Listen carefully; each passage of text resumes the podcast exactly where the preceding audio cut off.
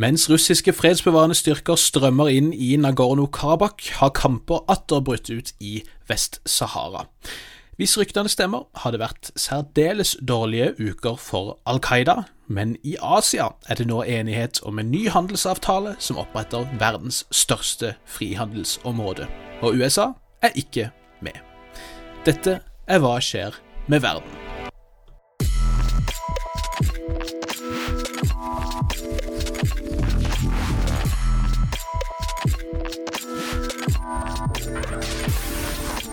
Hei og hjertelig velkommen til en ny episode av podkasten Hva skjer med verden? Denne podden for deg som er interessert i internasjonal politikk og krig og fred og det røret midt innimellom.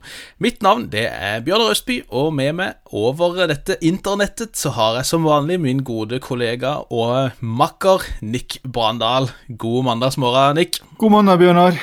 Det er nå Ja, er det tre uker i eh, delvis lockdown, og det er snart jul. Vi gleder oss til å slippe ut igjen i mai en gang. Det skal bli eh, fint.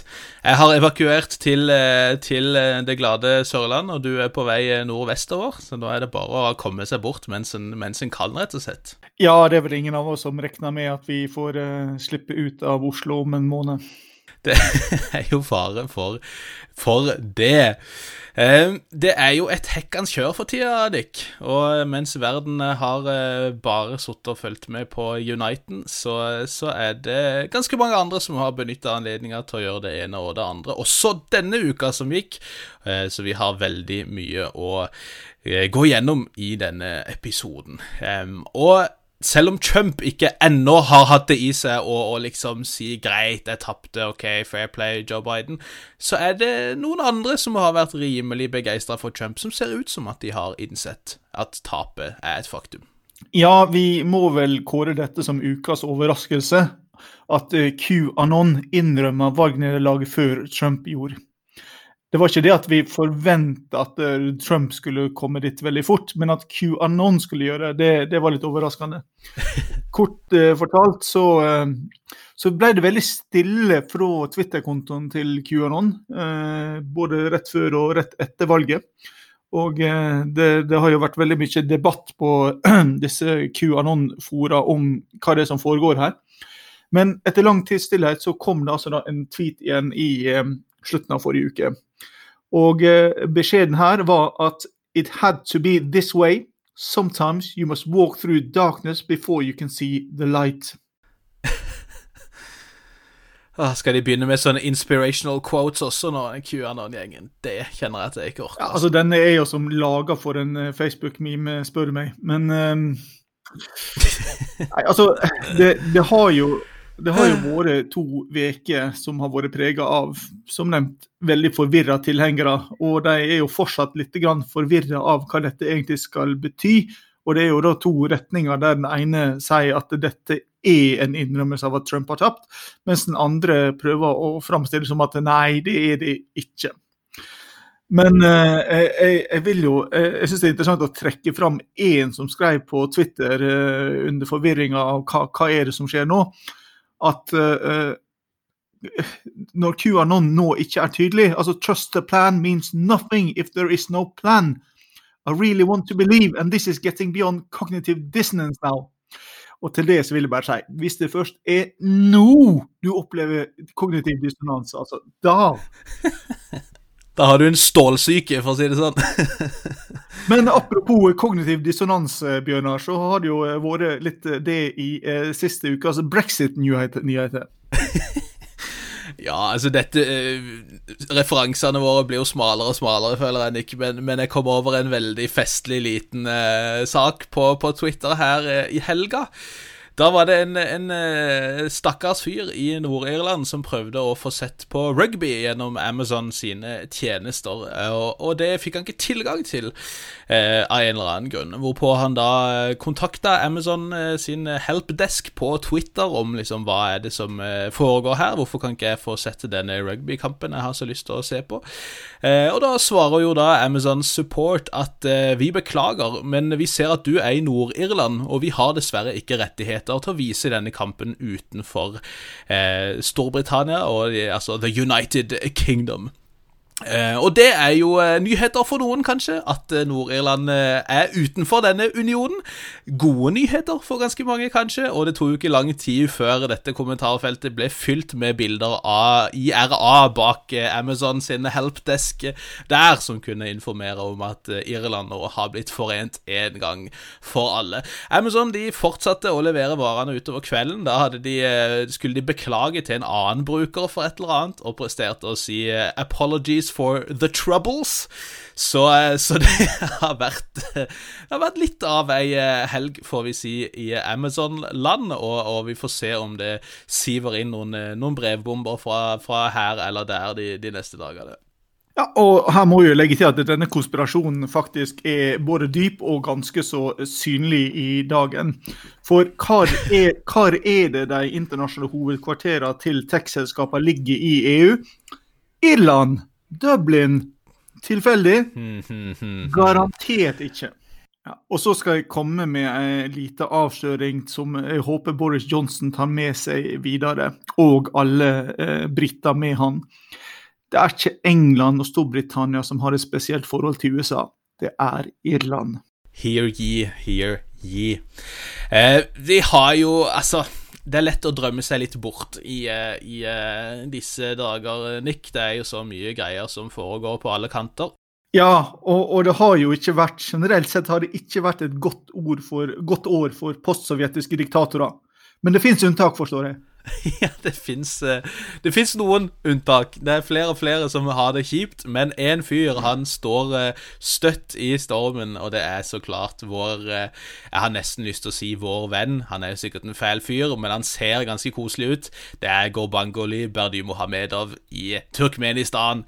Denne babyfaca diktatoren han lever livets glade dager for tida. Og for de av oss som følger med på hva som skjer i Turkmenistan, så har vi jo sett at Gurbanguly han har kost seg de siste månedene. Han har bl.a. vært ute i sin BMW og rett og slett drifta rundt på en gjørmete bane og bare sladda og kost seg.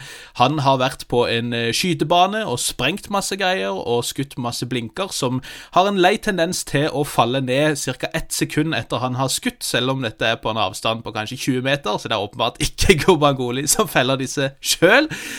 Men det toppa seg jo når han nå sist uke kunne avduke en gullstatue av sin yndlingshund, en slags sentralasiatisk gjeterhund, som han da kunne avduke her i, i Ashgabad, i hovedstaden. Så, så Gurbanguly han lever livet. Tidligere så har han jo gitt ut flere monsterhits der han spiller én akkord på pianoet, og ja Hvis du først skal være en diktator Dette Vi har jo vært inne på Vi prøver jo å rådgi Trump litt på hans, til hans karriere, liksom, etter, etter sitt eh, presidentskap, og, og jeg vil tenke liksom det virker jo ikke som han syns det har vært så gøy å være president, egentlig. Han prøver liksom å slippe unna mye av disse kjedelige oppgavene, går heller og spiller golf og sånn. Se til Gurbangoli, se om ikke du kan få en eller annen, en eller annen grei løsning, at du kanskje kan dra i eksil dit, i disse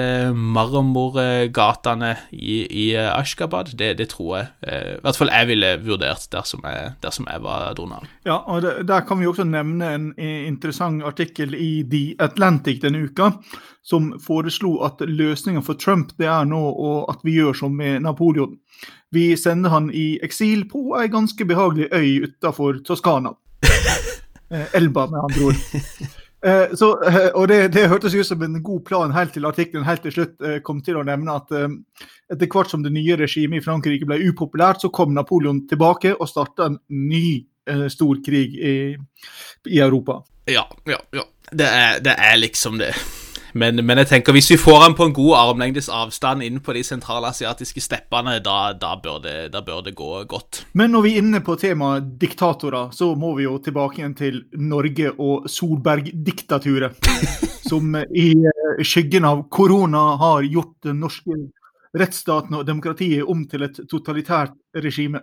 Ja, det var vel TV 2 som først eh, var ute og calla dette, eller en, en, journalist der i presseklubben som var ute og meldte eh, nå nettopp at, at, vi lever i et diktatur. Så det er jo bare å gratulere med terningkast null fra oss. Men, eh, men, NFF de er nok ikke så happy om dagen, eh, Nick. Nei, men fra vår side så er jo dette et koronatiltak vi kan stille oss helhjerta bak. Og eh, vi syns det, vi, vi syns det bør ha vært gjort innført lenge, lenge før. Nemlig at eh, Erna stoppa det norske fotballandslaget på vei til bortekamp.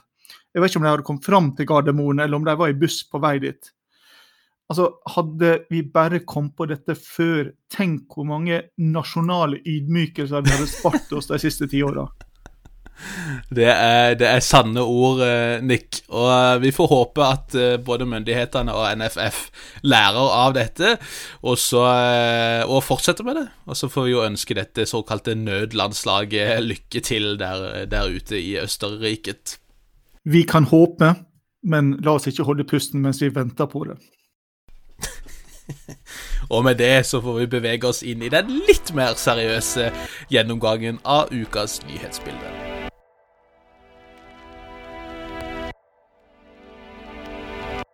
En situasjon vi har fulgt nøye med på i de siste ukene, og som ikke ser ut til å bli mindre alvorlig, er jo på Afrikas Horn. Der eh, det som starta som en eh, intern konflikt eh, i Tigray-regionen, nå ser ut som det har potensial til å kunne bli en storkrig i hele regionen. Hva, hva er det som har skjedd siste veka, Bjørnar?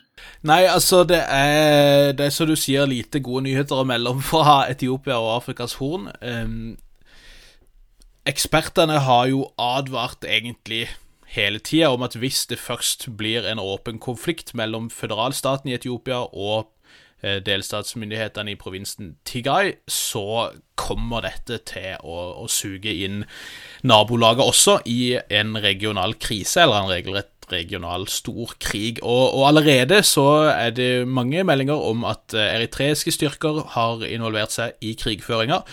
Eh, mot TPLF, dette partiet som styrer i eh, Tigray.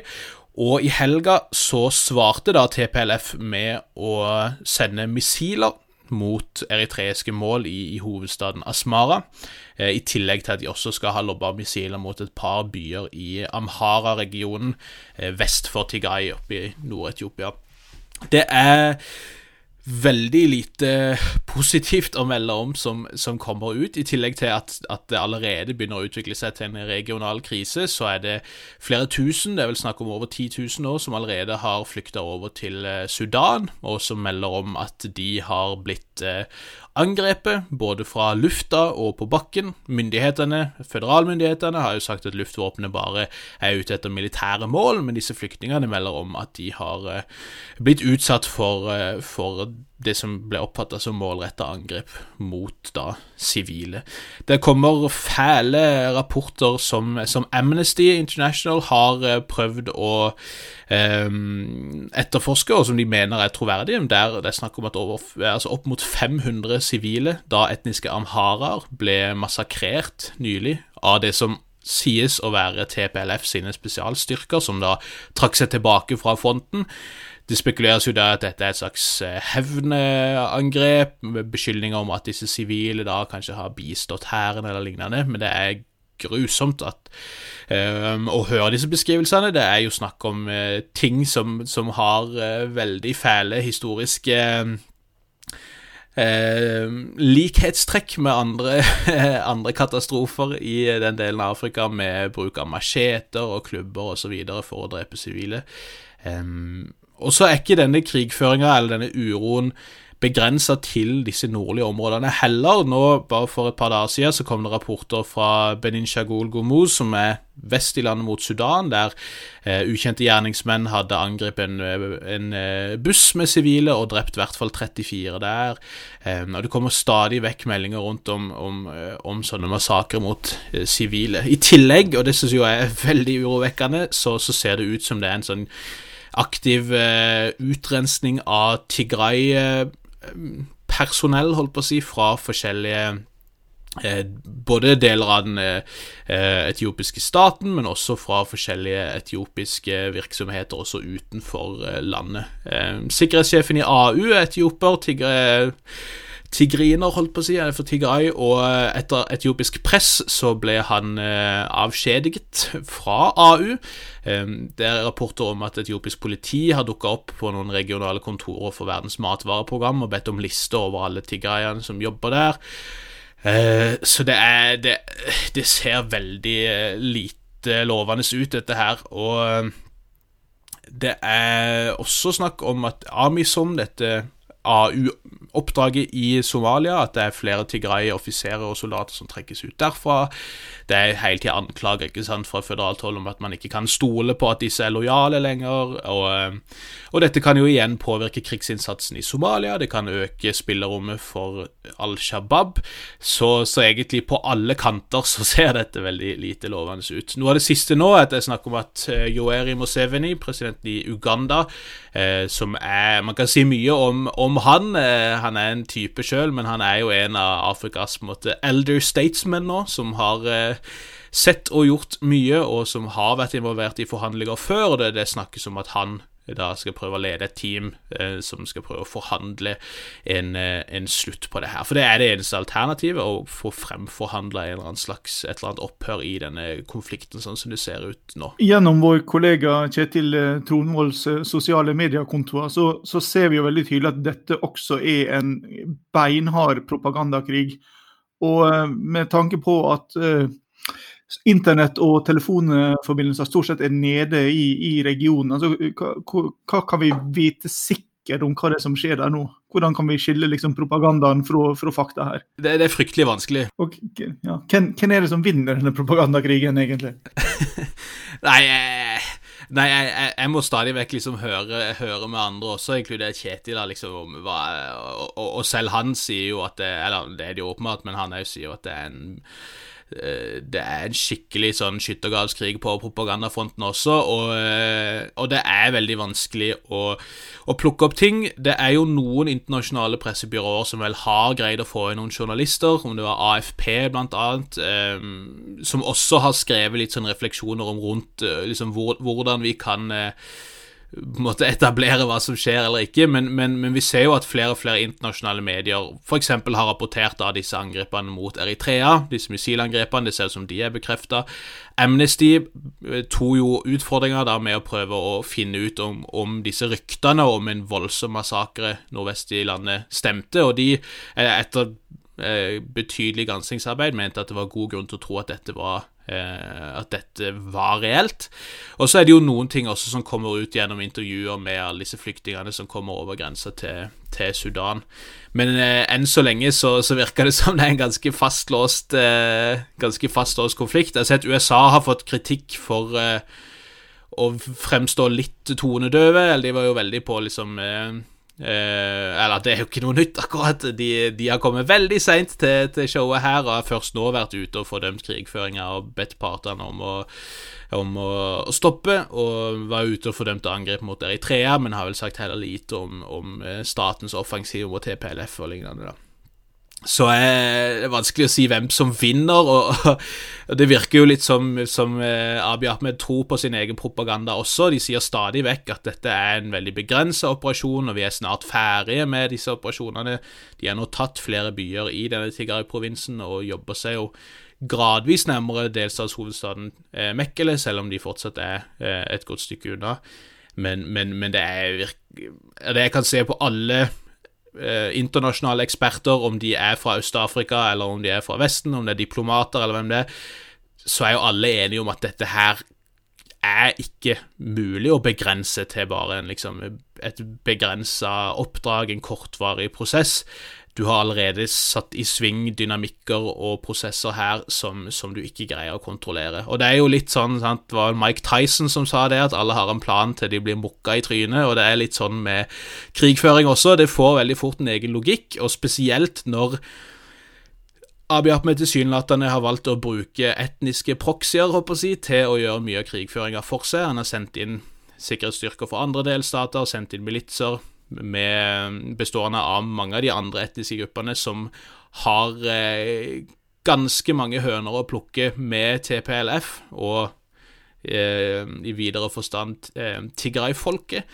Så når du, når du tar sånne grep, så er det vanskelig å reversere det ved å bare si at nå er vi ferdige. Da har du satt i gang ting du ikke kontrollerer, og når regionen også har blitt dratt inn som den har allerede, så og det internasjonale samfunnet sover på jobb, så, så har dette et potensial til å, til å, gå virkelig ille. Og Da er det jo påfallende også hvordan NRK ikke har skrevet en dritt om dette her, så å si. Det kan godt tenkes at det kommer en liten kronikk fra, fra Kjetil og meg snart, men eh, etter det jeg har sett, så har NRK skrevet én sak om, eh, om, det som har skjedd, annet enn sånne bare bullet point-oppdateringer, og den kom ei uke etter dette starta. Så de har ikke vært på jobb i det hele tatt. Selv om Altså, hvis et sånn worst case-scenario skjer, da, hvis Etiopia går opp i sømmene, eh, hvis regionen dras inn i en konflikt, så, så vil du få en situasjon som fint kan definere det neste tiåret i mye større grad enn en utfallet av et amerikansk presidentvalg kan med tanke på europeisk politikk. Altså Da vil en flyktningkrise i 2015 se ut som en fis i havet i forhold. Så eh, jeg syns det er ganske slående hvordan både internasjonale diplomater og internasjonal spesielt norsk presse, bare har eh, neglisjert dette her eh, fullstendig. Og når vi snakker om eh, konflikter som er på vei ut av kontroll, så kan vi jo fortsette på rekka av våre greatest hits og gå til Hviterussland. Ja, apropos neglisjerte konflikter også, håper jeg å si. det har jo blitt mindre og mindre pressedekning av det som skjer i Hviterussland, selv om demonstrasjonene har fortsatt. Og ikke minst selv om sikkerhetsstyrkene, selv om politiet begynner å bruke mer og mer eh, vold. De er stadig eh, mer brutale i sin eh, fremtreden, og de har arrestert massevis av folk i eh, det siste. Og, og nå, sist uke, så døde da også, eller ble drept, er jo det riktige å si, en, en eh, ung ja, drøyt 30 år gammel aktivist, en, en kunstner som heter Roman Bodarenko. Eh, etter en veldig voldelig pågripelse av sikkerhetsstyrker da, i, i, Minsk. EU har vært ute og fordømt dette her, det har skapt ganske store reaksjoner i, uh, i, Europa, ser det ut som, men altså, hvilken forskjell gjør det? Jeg håper å si Lukasjenko sitter fortsatt. EU har jo slippa masse sanksjoner mot, mot folk rundt ham, men det ser ikke ut som de har latt seg skremme i det hele tatt. Tvert imot så har de bare Eh, ja, tatt stadig voldeligere midler. Eh, og desto mer beundringsverdig tenker jeg er det at, at, opposisjonen ikke har gitt seg. At de fortsetter hver helg å gå ut i gatene, selv om det dessverre ser ut som det, det ikke nytter enn så lenge. da. Nei, og det er jo et spørsmål om dette blir bedre når, som vi skal komme tilbake til, Putin nå får litt tid til overs etter å ha fått roa ned Nagorno-Karabakh. Ja, og det, det, tenker vi får bli ukens eh, tema, så vi skal snakke om det, om Nagorno-Karabakh mer til, eh, til slutt. Så, etter å ha kritisert eh, norske medier, spesielt NRK, for mangelfull dekning av eh, konflikter i Etiopia, så skal vi ta litt sjølkritikk for at vi har snakka så lite om et annet eh, langsiktig konfliktområde, nemlig eh, Vest-Sahara, Bjørnar? Eh, ja, altså det er mye vi bør ta selvkritikk for. Nå har jo situasjonen der vært nokså sånn fastlåst siden 1991. Men den siste uka nå så har det jo skjedd utviklinger som absolutt tvinger oss til å, å snakke om Vest-Sahara for en gangs skyld. Eh, for å ta det veldig, veldig kort, da, så var jo eh, Vest-Sahara tidligere spansk eh, var det vel protektorat, formelt sett. Eh, det ble eh, Fikk en slags form for selvstendighet i 1975 og ble raskt underlagt eh, de facto kontroll av Eller ble annektert av Marokko, mener jeg, i 1975.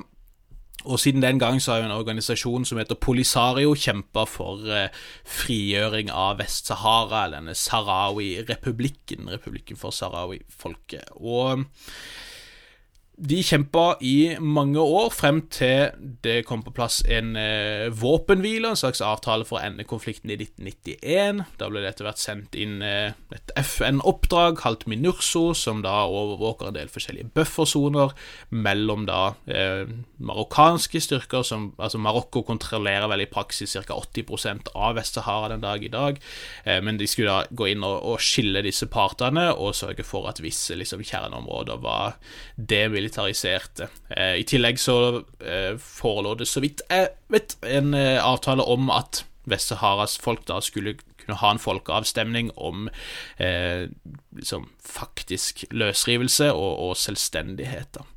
Og Den konflikten har jo egentlig vært nokså frossen siden begynnelsen av 90-tallet, men sist uke så blussa den opp igjen. Da kunngjorde Polisario at eh, denne våpenhvila fra 1991 den er herved død, for eh, nå har eh, marokkanske styrker rykka inn i, et, i en del av denne buffersona, og det har da Polisario tolka som en, en, en, rett og slett en krigserklæring. Det som det høres ut som har skjedd, er at eh, Polisario-medlemmer har egentlig rykka inn og, og tatt liksom, kontroll over deler av en motorvei som knytter Vest-Sahara til Mauritania, en ganske viktig liksom, transportåre der, og eh, satt opp type checkpoints. De har eh, blokkert denne motorveien delvis. De har eh, vært en plage for, eh, eh, for type lastebilsjåfører osv. der, og, og rett og slett hindra mye av transporten langs eh, den aksen der, noe som Marokko ikke setter videre pris på. Polisario hevder visst da at denne her motorveien den er i strid med eh, Den er bygd etter våpenhvilen, den er i strid med retningslinjene derfra, og, og går gjennom deler som, som, på en måte skulle være fri for konflikter. Og Eh, marokkanske styrker har da gått inn for å prøve å fjerne Polisario fra denne motorveien, for å liksom frigjøre den og åpne den igjen, og det er jo i den forbindelse da Polisario sier at nå har Marokko erklært krig, nå tar vi til våpen igjen. Eh, og etter det så skal det ha vært flere eh, trefninger mellom de, det har vel begge parter innrømt, uten at det har kommet ut noen tapstall eller noe sånt. Det virker jo ikke som det er noe sånn fullskala mobilisering enn så lenge. Ehm, men, men eh, vi har allerede fått en ny krig i Kaukasus, vi har fått en ny krig på Afrikas Horn, og vi trenger ikke mer krigføring i, i Vest-Afrika, akkurat.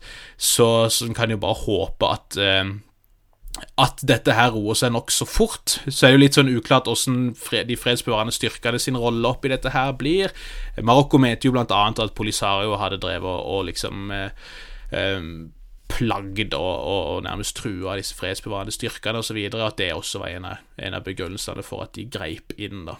Ja, og, her, og, her, kan vi vel bare si at alle som er så naive at de tror at eh, veibygging skal være konfliktfritt, de, de kan komme til Oslo og Viken og se hvordan det fungerer i virkeligheten. ja. Der kan vi snakke om stammekriger, altså. Eh, men eh, jeg så en kar på Twitter, en eh, kommentator påpekte noe ganske interessant om, om det kan se ut som Altså, det er jo en sånn slags dragkamp, kan vi si, innen internasjonale relasjoner og normene der, mellom dette prinsippet om at stater har krav på territoriell integritet på den ene sida, og på den andre at folk har rett til selvbestemmelse. Og i den dragkampen nå så ser det ut som dette prinsippet om territoriell integritet kommer seirende ut, i, i, vår tid i hvert fall. Um, noe som kan gjøre at, at, stater kan ha en interesse av å remilitarisere tidligere frosne konflikter, og prøve å liksom bruke anledninga nå mens det på en måte aksepteres, kanskje i ly av denne Trump-administrasjonen, som ikke liksom har lyst til å håndheve slike prinsipper. Eh, det er en annen sak, men, men, men, at de kan ha en interesse av å prøve å ta tilbake territorier som, som de ellers ikke har hatt tilgang til på mange år. Eh, Nagorno-Karabakh kan være et eksempel på det, der Aserbajdsjan med tyrkisk hjelp og kanskje også oppfordring har faktisk lykkes med å ta tilbake en del av Nagorno-Karabakh og ser ut som de får lov til å beholde dette. Det kan eh, kanskje være samme dynamikker som eh, eh, vi ser i Kashmir, som vi skal komme tilbake til, og, og i Vest-Sahara. Det, det, er ikke sikkert det er en korrekt tolkning, men jeg syns det er et interessant poeng, i hvert fall. Eh, og, og, sånn overfladisk sett så kan det se ut som det stemmer. Ja, og eh, vi kan jo egentlig bare gå eh, rett til Kashmir, fordi eh, dette er jo på mange måter det som har skjedd. Altså, Kashmir har jo vært en del av India. Men når hindunasjonalistene og Mori kom til makta, så valgte de jo å da oppheve denne graden av selvstyre som den muslimske minoriteten der har, har hatt, Mm. og, og innføre langt mer hardhendt direkte styre og langt mer hva jeg skal si, sånn etnonasjonalistisk eh, styre i, i denne regionen. Mm. Og, og eh, det har jo vært anklager fra pakistansk hold også om at India på en måte bruker Altså at de prøver å skape uro innad i Pakistan, og at de støtter terror mot Pakistan osv. Eh, indiske styrker drepte nylig en eh, lederen for en av de viktigste opprørsgruppene i Kashmir, og eh, det siste nå fra forrige uke er at man har hatt en ny runde da med eh, artilleridueller, nærmest, med trefninger langs denne line of actual control, denne veldig omstridte eh, fronten, kan du si, da, i, eh, i Kashmir, der pakistanske og indiske soldater har eh, eh, hatt trefninger på flere steder, og, og der eh, det sies at eh, så mange som ti soldater skal ha blitt drept den siste uka. Em, og det er for tidlig å si, kanskje, men det virker jo som det er en del opportunister der ute som tenker at nå, de, de neste to månedene cirka, før eh, Trump da, i hvert fall på papiret, skal forlate Det hvite hus, at da bruker vi anledninga nå, før man kanskje får et et, et litt ty tydeligere USA, for å si det sånn, på verdensarenaen igjen. Eh, Da bruker vi sjansen nå til å, til å prøve å endre faktaene på bakken så mye som mulig, før vi eventuelt eh, får en, en, en litt tydeligere kurs igjen under et amerikansk lederskap i 2021. Nick, vi eh, snakker jo eh, fryktelig mye om valg for tida, men det er jo eh, fordi at valg ofte er ganske kritiske eh, stadier i eh, forskjellige stater. Det har en lei tendens til å skape uro og politiske kriser. Og et land som har prøvd å holde valg, et ganske kontroversielt valg, det er jo Myanmar. Og, og i Etiopia som i Myanmar så har vi jo fredsprisvinnere som, som tilsynelatende gjør ganske lite for å fremme fred. Kan du fortelle litt om Aung San Suu Kyi og Myanmar, og hva som har skjedd der nå de, de siste eh, dagene og ukene? Ja, det på sett og vis paradoksale er at Aung San Suu Kyi blir mer og mer populær eh, på heimebane, dess mer upopulær hun blir eh, internasjonalt. Interessant. Og det så vi da, ja, det så vi da spille ut i eh, valget i Myanmar i forrige uke. Der partiet til eh, Suu Kyi, det nasjonale demokratiske partiet, vant absolutt flertall i parlamentet. Og Foreløpig så har de 24 flere enn de trenger for å ha absolutt flertall. Og det, dette forventer å, å stige med eh, kanskje så mye som 50 eh, mandat til. De som kanskje gjorde det aller dårligst, var hovedmotstanderen. Partiet for enhetlig solidaritet og utvikling, som er da partiet til det tidligere militærregimet, som nå ser ut til å få bare 24 mandat. Mm. Valgseieren var ikke overraskende. altså Det har egentlig ligget i kortet at eh, partiet skulle vinne gjenvalg, men de ser ut til å ha fått overraskende stor støtte fra minoritetsgrupper. Eh, Særlig med tanke på at partiet har vært veldig knytta til den buddhistiske majoritetsbefolkninga, og har vært skylda for å, å fremme interessene til denne gruppa. Og hvis vi skal ta en konklusjon ut av dette valget, så er det at eh, anklagene om folkemord mot eh, rohingyaene ikke har gjort Suu Kyi upopulær på hjemmebane, men snarere tvert imot. Det har ført til at hun har blitt hylla for å forsvare nasjonen mot det internasjonale samfunnet i Haag. Og hun har tiltrukket seg velgere både som forsvarer av det politiske systemet i Myanmar mot eh, militærregimet, og som beskytter av nasjonal enhet mot indre og ytre kritikere. Eh, og dette kommer jo da på bakgrunn av at vi har sett en økende kritikk for at det skjer en democratic backsliding også i Myanmar. Suu har jo lova reformer og demokratisering, men det vi ser er innskrenkning i ytringsfriheten og i pressefriheten. Og I dette valget her så var det jo også eh, nærmere 1,3 millioner rohingya, eh, ca. halvparten i Myanmar og halvparten flyktninger i Bangladesh, som ikke fikk hadde stemmerett. Og rundt 1,5 millioner i konfliktregionene fikk ikke stemme fordi eh, valget rett og slett ikke ble avholdt eh, med begrunnelsen at det var sikkerhetsproblem. Eh, Samtidig så var det en veldig høy valgdeltakelse som tyder på at det ikke er noen stor indre opposisjon mot uh, Aung San Suu Kyi. Snarere tvert imot. Dette regimet har brei populær støtte. Og det er ikke på tross av, men nesten på grunn av uh, overgrepene som foregår.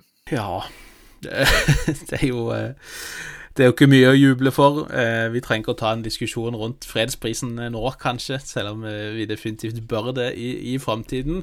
Eh, men det, det, er jo andre områder i Ikke så langt fra Myanmar, i Hongkong, der det har vært noen ganske bedrøvelige utviklinger også i den, den, siste tida. Nick, kan du fortelle litt om, eh, om ståa der, og hva, hva det er som, som, har skjedd nå? Ja, på sett og vis så er det jo en del av den samme problematikken. Nemlig at uh, Kina uh, holdt på å si bygg, holder på å, bygge disse her tette nettverkene i, i nærområdet sitt, som skal også da uh, hindre kritikk. Mm. Uh, og Det er jo Kina som holder hånda over regimet i Myanmar og gjør at uh, det internasjonale samfunnet ikke kan slå ned på det. Og uh, vi ser jo også da at de ut, utøver en stadig mer restriktiv politikk overfor Hongkong. Der alle lovnadene som ble gitt når de overtok da den britiske kolonien på, på slutten av 90-tallet, nå blir brutt én etter én. Mm. Og det siste som har skjedd nå, er at fire eh, prodemokratiske eh, lovgivere har blitt kasta ut. Og det førte til at eh, alle de andre på den prodemokratiske sida har trukket seg fra eh, parlamentet i Hongkong. Og det er nå da kun pro-kinesiske lojalister igjen. Mm. Grunnen til dette her, eh, at de da ble kasta ut, var at en ny lov tillot myndighetene å fjerne lovgivere som kunne være i hermetegn en trussel mot nasjonal sikkerhet. Og som faste lyttere av podkasten har fått med seg, så er jo nasjonal sikkerhet i eh, de nye lovene som kom tidligere i år, definert så bredt at det betyr egentlig hva som helst som Kina mener er det. Mm. Vi, og vi ser også her at regimet i økende grad har slått ned på pressa, media, journalister. Og du kan si at det, Kina rykker nå fram på flere fronter overfor Hongkong. De har da fjerna ytringsfrihetsbeskyttelsen for media i lovene. De har sørga for at uh, regimelojale personer har fått overtatt uh, medieorganisasjoner. Og vi ser også nå da økende grad arrestasjon av regimekritikere i Hongkongs presse. Og det kommer også rapport om at utenlandske medier, som har valgt Hongkong fordi det er ganske stabilt, det er ganske vestlig, nå opplever at ytringsrommet deres blir innskrenka. Og uh, det, det, er de som spekulerer i at det kanskje ikke er så lenge før også uh, utenlandske, eller journalister som jobber for utenlandske medier, uh, vil risikere å bli arresterte etter disse sikkerhetslovene.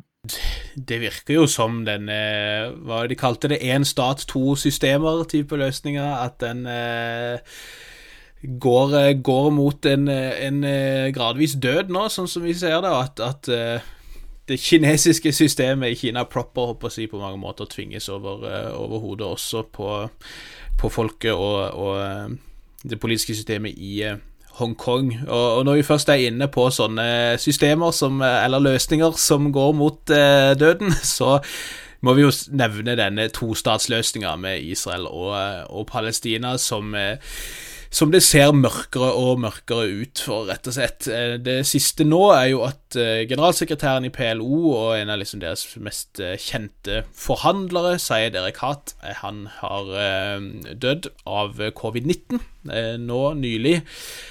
Og han var jo på mange måter en av de viktigste forkjemperne for tostatsløsninga. Han, han fronta jo en del av av forhandlingene med Israel, og, og, har jo virker som han har vært en, en liksom høyt respektert eh, forhandler, egentlig sett fra, fra begge siders hold. Eh, det dette skjer samtidig som det virker som Israel prøver å få maksimalt ut av de siste månedene før, eh, før Biden-administrasjonen tar eh, kontroll over amerikansk utenrikspolitikk, for nå så har eh, tillatelser blitt gitt, og, og arbeidet begynt på å, å, bygge flere boliger for israelske bosettere i Øst-Jerusalem, Det er en bosetning kalt Givat Hamatros.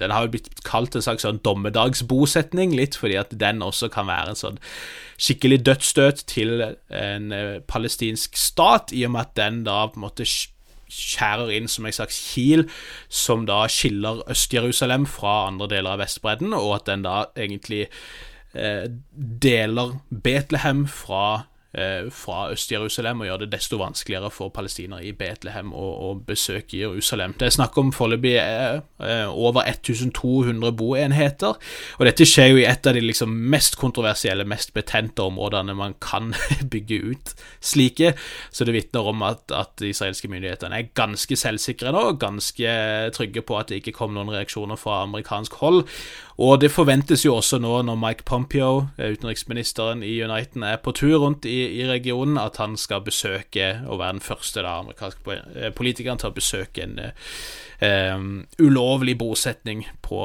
på Vestbredden. Så det ser rett og slett ganske mørkt ut for denne tostatsløsninga, spesielt også nå som tidligere arabiske allierte av Palestina har inngått avtaler, diplomatiske forhold med Israel og vært ganske tydelige på at de, de gir nokså beng i, i, hele dette palestinske eh, spørsmålet. Det er liksom ikke det man bryr seg om lenger, dessverre.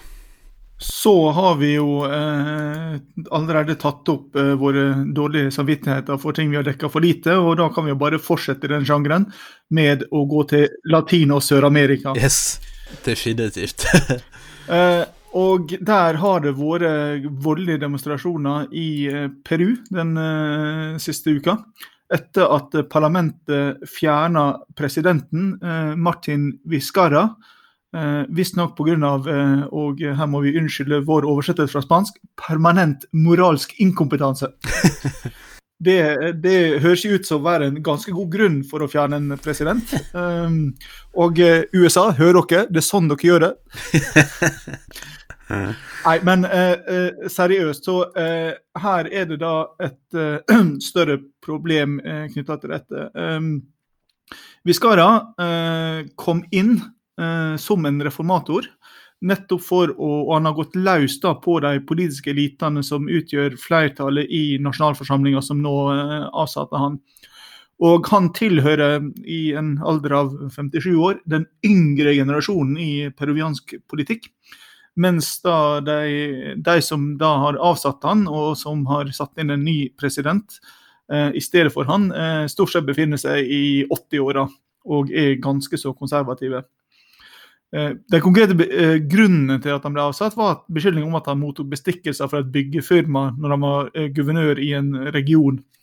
Eh, men slik det blir forstått av protest, protestantene, som i stor grad er ungdom, eh, særlig i Lima, men også i andre byer, så, så er det nettopp denne kampen mot de politiske elitene og mot et konservativt stivna system.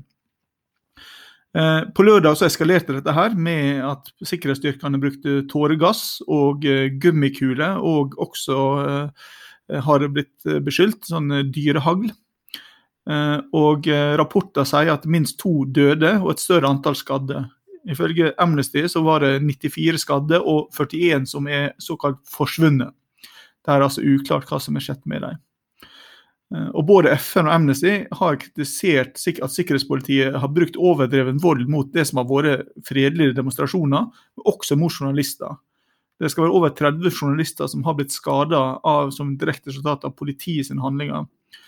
Og eh, Dette har jo også da fått eh, protester fra intet mindre enn det pavelige katolske universitetet i Lima, som har gått ut og forsvart eh, ungdommen, og, og, også kritisert politiet. Parlamentet satte altså inn Manuel Merino som ny president. Han er i 80-åra. Han er den femte presidenten på fem år. Men det har allerede nå etter en knapp uke blitt press for at han skulle trekke seg, som han nå har kunngjort at han vil gjøre. Og det har også minst elleve av ministrene hans, også de stort sett i 80-åra, eh, sagt at de vil gjøre.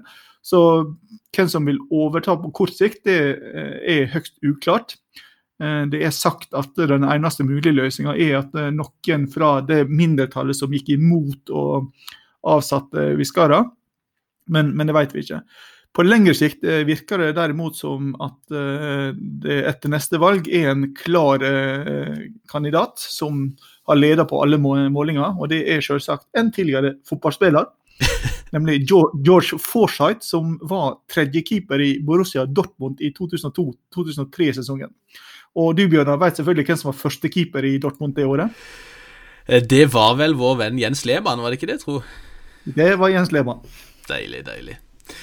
Eh, ja, fotballspillere som blir eh, statsledere, det er jo en interessant eh, sjanger. Vi har vel George Weah som den eneste jeg kommer på sånn akkurat nå, i, i Liberia. Men, men skal vi si mer av det? Hvis du skulle valgt en norsk, norsk fotballprofil til å styre landet, Nick, hvem, hvem hadde du gått for? Hvis du sier Erik Thorstvedt nå, Hvis du sier Erik Thorstvedt nå, så er dette forholdet slutt.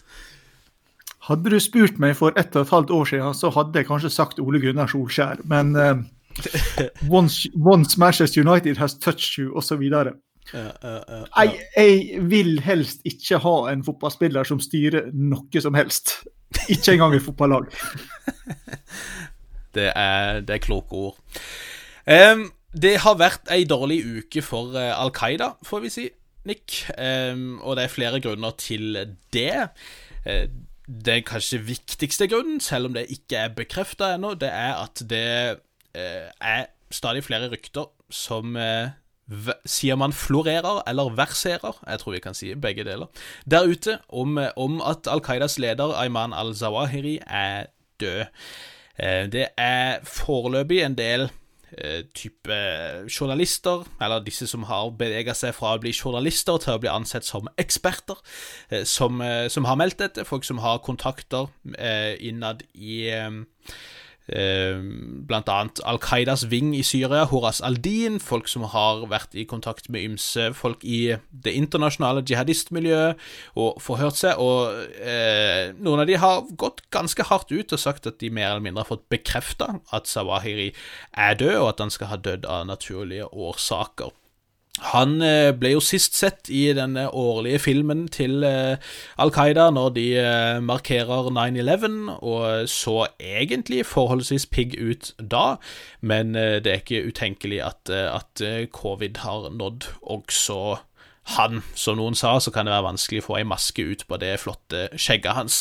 Men eh, enn så lenge så har ikke internasjonale medier tørt å gå ut med noe. Det overrasker meg ikke om de gjør det ganske snart, men, men det vil tiden vise.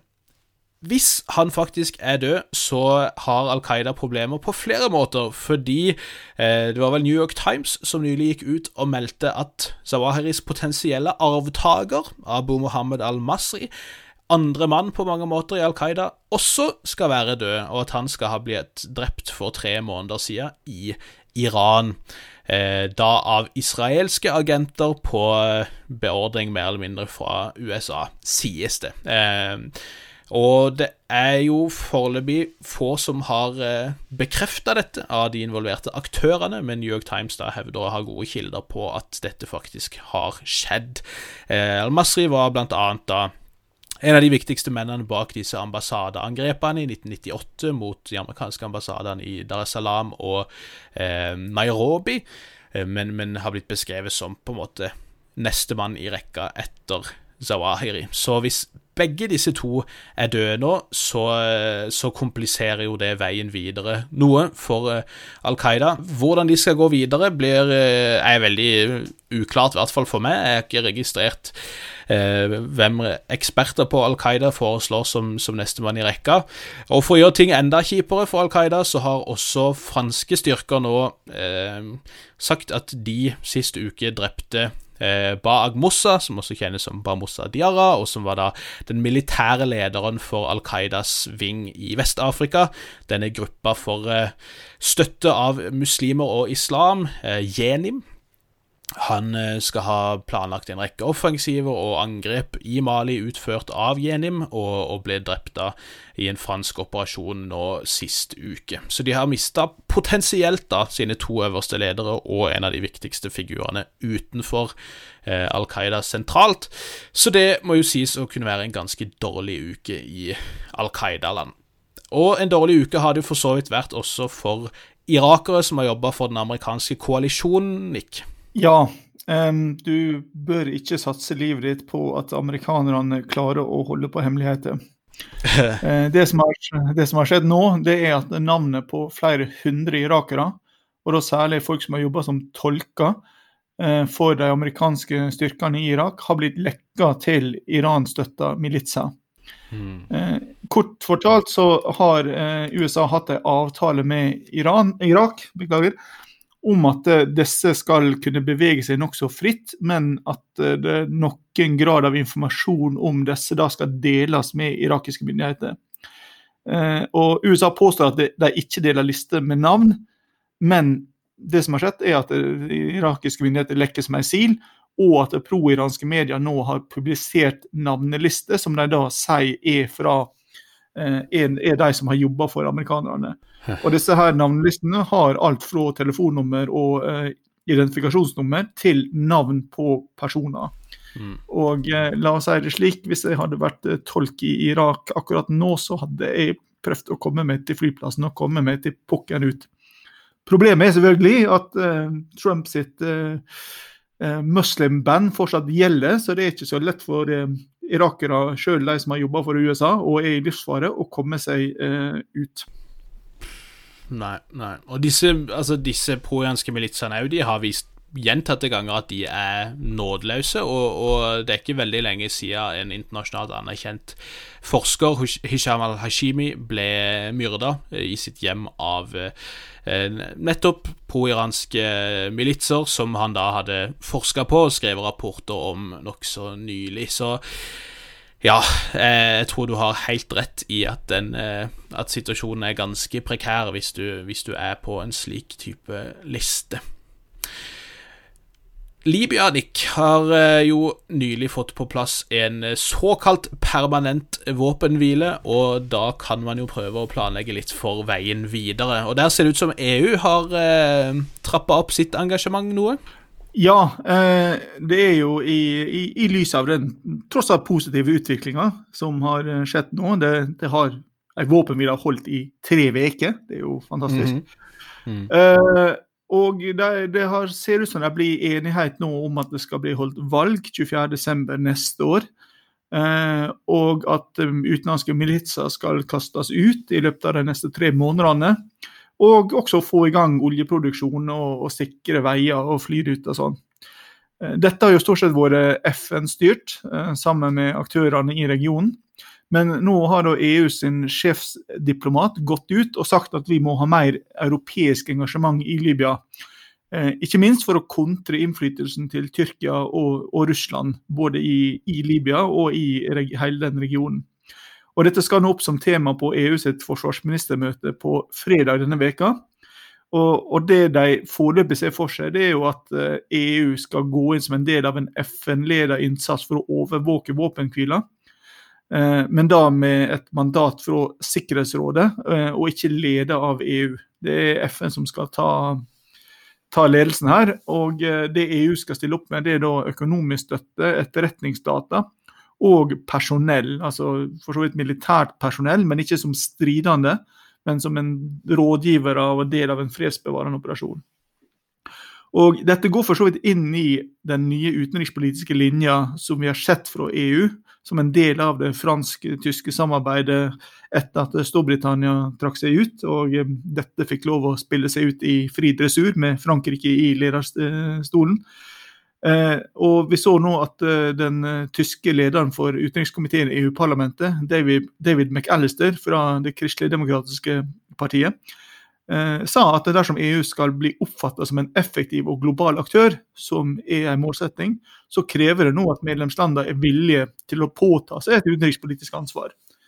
Og um, selv om vi da får en uh, ny administrasjon inn i USA, som nok er litt mer uh, multilateral og litt mer uh, har verdier, normer og interesser som sammenfaller med Europa, så tror jeg vi må forvente at EU som en mer selvstendig aktør er et av trekkene i internasjonal politikk i det nærmeste tiåret.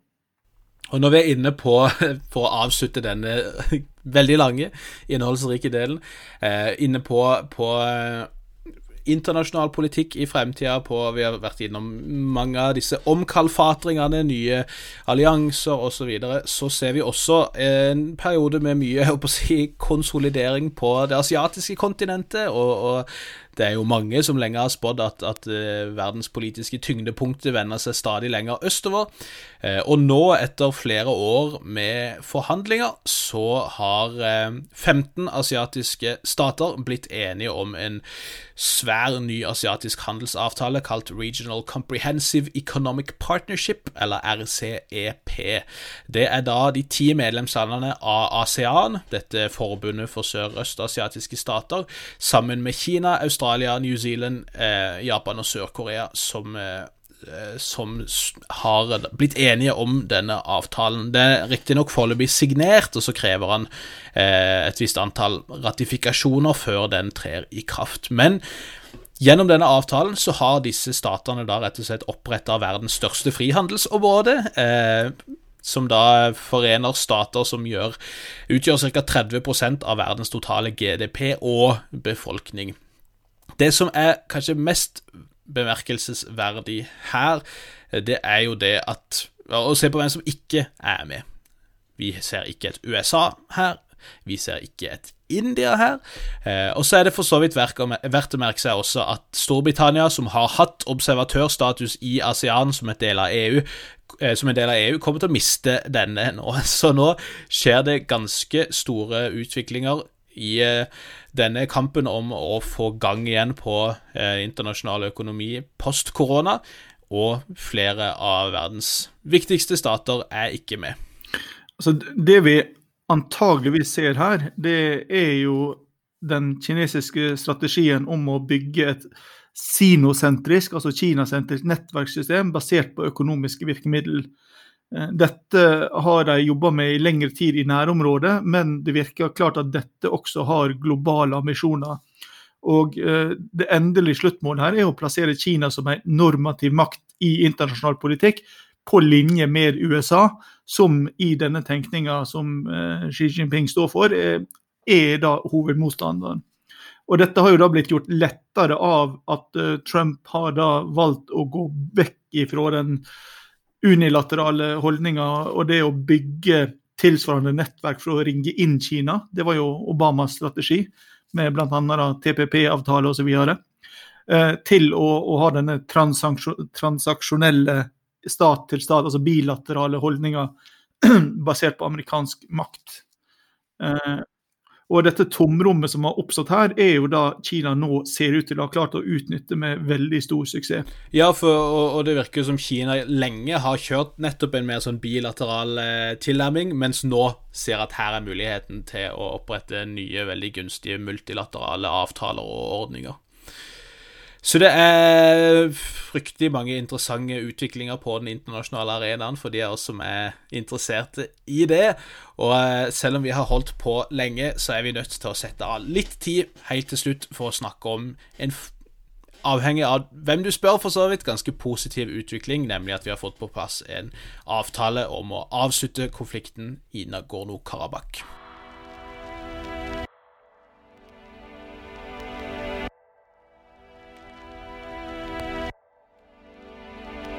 Som vi har eh, vært inne på flere ganger allerede i podkasten, så må vi snakke litt nå til slutt om denne avtalen for å få en slutt på konflikten om Nagorno-Karabakh, som varte i eh, seks-syv uker, men som nå har blitt eh, avslutta etter en fredsavtale har blitt inngått, med primært russisk og delvis tyrkisk hjelp.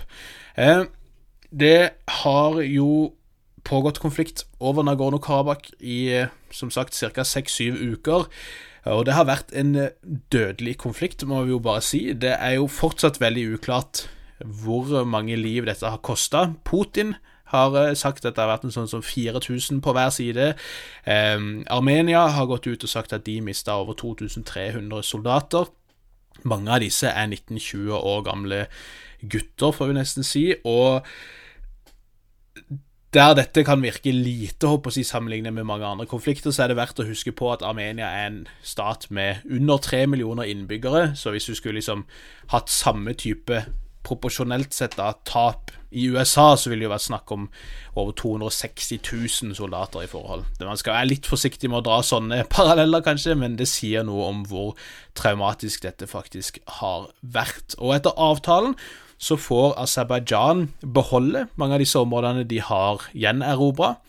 Um, og armenske styrker skal også trekke seg vekk fra en del tilstøtende områder rundt Nagorno-Karabakh, som de to på 90-tallet, men som formelt tilhører Armenia. Nei, Aserbajdsjan, unnskyld. Russerne skal på si side, eller har allerede sendt inn eh, ca. 2000 fredsbevarende styrker, eh, som da sies å skulle fornyes på en femårig basis. Eh, Russland har sagt at de har diskutert med FN om, om eventuelle FN-bidrag også, først og fremst når det gjelder å, eh, å bistå med at uh, internt fordrevne og flyktninger skal kunne vende tilbake til sine områder, men det høres ut som det også er snakk om mulige internasjonale fredsbevarende styrker sendt fra FN-hold også. Det er usikkert hvorvidt Tyrkia skal sende styrker eller opprette observasjonsposter. Det har det vært snakk om, um, og det høres ut som Tyrkia er svært interessert i dette, men russerne har sagt at det foreløpig ikke er noen, uh, noen avtale om dette, og det kan nok godt tenkes at russerne ønsker å ha disse områdene for seg sjøl hvis de kan det. Så enn så lenge så er det bare snakk om tyrkiske styrker også, ingenting er bekrefta der. Det vi kan nevne når det gjelder russiske fredsbevarende styrker, bare veldig kjapt, det er jo at de har en eh, lei tendens til å ikke dra hjem igjen. Eh, og eh, om vi ser til Sør-Osetia Abkhasia i Georgia, om vi ser til Transnistria i Moldova eller til Øst-Ukraina, disse andre sånne eks-sovjetiske områdene, så har russiske fredsbevarende styrker dratt inn der etter sånne forhandla eh, våpenhviler og avtaler, og ikke dratt hjem igjen selv på flere tiår. Eh, og dette er jo noe russerne prøvde å få til også etter konfliktens eh, Den siste store konflikten om Nagorno-Karabakh endte i 1994. De fikk ikke det gjennom da. Det har de lyktes med nå, og det vil jeg tro Vladimir Putin er ganske fornøyd med. Ja, altså Denne avtalen er jo på mange måter en reversering av det som skjedde på 1990-tallet og, og, veldig talende i så måte, er jo de bildene vi så av armenere som nå forlater de områdene som eh, Aserbajdsjan har fått kontroll over. Eh, de har da satt fyr på husene sine, så du ser da brennende hus i bakgrunnen. Men ved siden av disse så ser du da husmurer av de husene som ble forlatt av aserbajdsjanere på 1990-tallet, som også satte fyr på sine hus. Mm. Så du, du, du, har liksom ja, en, en region som uh, gjenopplever et traume i uh, revers.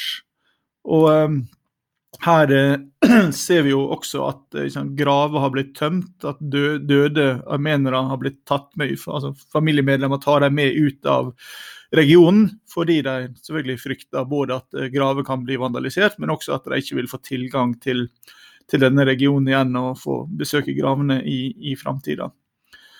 Eh, og eh, på samme tid som du da har en migrasjonsbølge utover og vestover fra Armenia, så kommer det en bølge vestover med de aserbajdsjanerne som flykta på 1990-tallet, som nå kommer inn igjen, eller etterkommerne deres kommer inn igjen.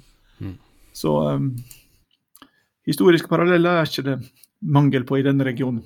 Ikke i det hele tatt. Og så har jo litt av diskusjonen nå blitt om dette her skal ses som en suksess for eh, Putin? Er det, Vitner dette om et sterkt eh, Russland og vellykka utenrikspolitikk, eller er det tvert imot et eksempel på et Russland som er langt mindre innflytelsesrikt enn de skulle ønske? Et Russland som har svikta sine allierte i Armenia og ikke grepet inn før det var for sent, og før de faktisk har tapt mange av disse områdene som de, de eh, tok på 1990-tallet. Og det virker som det er uenighet også i Russland om dette her. At, eh, at prostatlige medier hyller Putin for å ha liksom eh, utvida Russlands innflytelse, for å sikre den søndre flanken, eh, mens andre, mer kritiske stemmer da mener at dette nærmest har, har vist hvor lite innflytelse Russland faktisk har. De hindra ikke Aserbajdsjan å gjøre det det de gjorde. De, Aserbajdsjan får beholde en del av territoriet de har erobra, samtidig som, som, man da delvis har, har svikta Armenia og vist at denne her kollektive selvforsvarspakten egentlig har svært lite for seg den dag i dag. Ja, nå, nå, vil jo svaret på dette spørsmålet handle veldig mye om hva du faktisk mener eh, Putins mål for utenrikspolitikken er. Eh, og også i hvor stor grad han har kontroll med si, de utenrikspolitiske virkemidlene, eller om de faktisk er reelle, reelle poler i, i, det russiske eh, etablissementet som, som, styrer i forskjellige retninger. Eh, så er det også klart at akkurat denne delen av Kaukasus er ikke den som har høyest prioritet i Moskva. Så altså, her kan Putin, selv om han har en slags allianse med Armenia, antageligvis tillate litt eh, et nederlag som han ikke ville kunne tillate i eh, land som han oppfatter som mer viktige. Eh, men det som er helt, helt klart, det er at den som har kommet styrka ut av dette, er Erdogan og Tyrkia. Mm. Definitivt. Og, og det er jo i Nagorno-Karabakh som i Libya så har eh, mye av krigsinnsatsen, eh, altså krigens utfall, egentlig blitt eh, forma av at Tyrkia har involvert seg på den ene sida.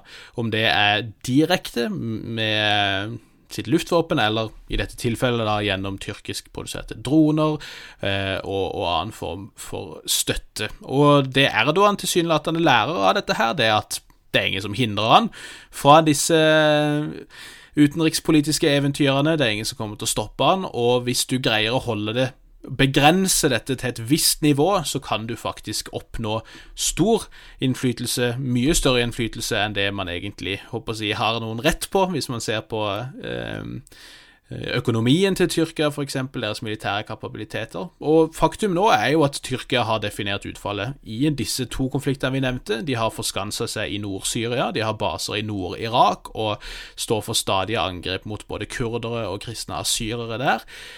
Og det er ingen som stopper de, og det, det kan virke som det er en slags stilltiende aksept også fra amerikansk hold, som, som lar Erdogan som tross alt styrer et Nato-medlem, Tyrkia, eh, holde på Eh, på den måten han har gjort. Så er det jo også snakk om at Russland ikke nødvendigvis er så begeistra for eh, eh, Nikol Pasjinjan, denne statsministeren i Armenia, at han ikke er på langt nær så prorussisk som andre armenske ledere har vært. Og det er jo ikke utenkelig at Pasjinjan også da mister sin eh, statsministerpost ganske snart, hvis vi skal se på hvor urolig det har vært i Armenia de siste dagene etter etter denne avtalen kom på plass, Nick? Ja, det, du blir jo sjelden populær som statsleder av å miste territorium. Eh, den eneste statslederen som, som har lykkes i å bli mer populær etter å ha mista et imperium, må vel være Karl 12. i Sverige. som eh, i, i, praksis ødela det storsvenske imperiumet, men eh, det er en annen sak. Uh, det vi har sett i Armenia, er jo at uh, det brøt ut opptøyer i hovedstaden Jerevan når uh, detaljene i avtalen ble kjent, og demonstranter tok seg inn i offentlige bygg. Og det blir også påstått fra myndighetene at de har forhindra et kuppforsøk og planlagt attentat mot statsminister Pashinyan Eh, denne helga. Dette skal ha blitt ledet av eh, lederen for opposisjonen, Arthur Vanetsian, eh, som da ble arrestert på lørdag. Og Sikkerhetspolitiet har også arrestert ytterligere ti opposisjonspolitikere med det som da blir beskrevet som anti-regjeringssyn, for å ha planlagt masse uro. Og Disse arrestasjonene ser ut til å henge tett sammen med våpenhvileavtalen med Aserbajdsjan. Og da en slags forståelse eller framstilling av at dette er et, et forræderi, nærmest. da. Eh, så har, eh, har, jo også da eh, statsminister Pasjinjan sagt på Facebook at nå må soldatene komme hjem fra fronten for å rydde opp i demonstrasjonene. Og det er klart at Hvis vi nå ser at i tillegg til sikkerhetsstyrker, så blir det satt ut inn regulære hærstyrker mot demonstrasjoner, så har vi jo en situasjon i eh, Armenia som ikke kommer til å se veldig bra ut. Nei, og, og altså blant armenere på Facebook, så vidt jeg kunne se, så har jo dette blitt sett på altså, som, som, å nærmest erklære starten på en borgerkrig. liksom. Det blir i hvert fall tolka, tolka sånn at, at Pashinyan nærmest erklærte krig mot sitt eget folk. Så eh, jeg tror nok han ligger ganske tynt an i, eh, i tida som kommer, slik det, det ser ut. Så da klarte vi ikke heller denne gangen å slutte på en helt positiv måte, Bjørnar. Det er vanskelig. Det er vanskelig. Vi prøver å være positive, men det er noe med å ikke være eh, naive også. Eh, men sånn, sånn, er det nå en gang. Vi får se om nødlandslaget kan, eh, kan bevare litt ære de neste dagene. Jeg tenker vi må bare si som vi alltid sier, nok er nok, og alle må gå.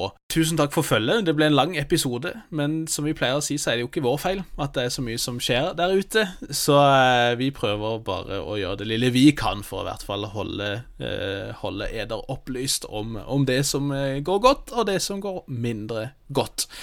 Og så får vi jo bare si på, på gjensyn, eller gjenhør, Nick. Takk skal du ha. Takk skal du ha sjøl, Bjørnar. Vi snakkes.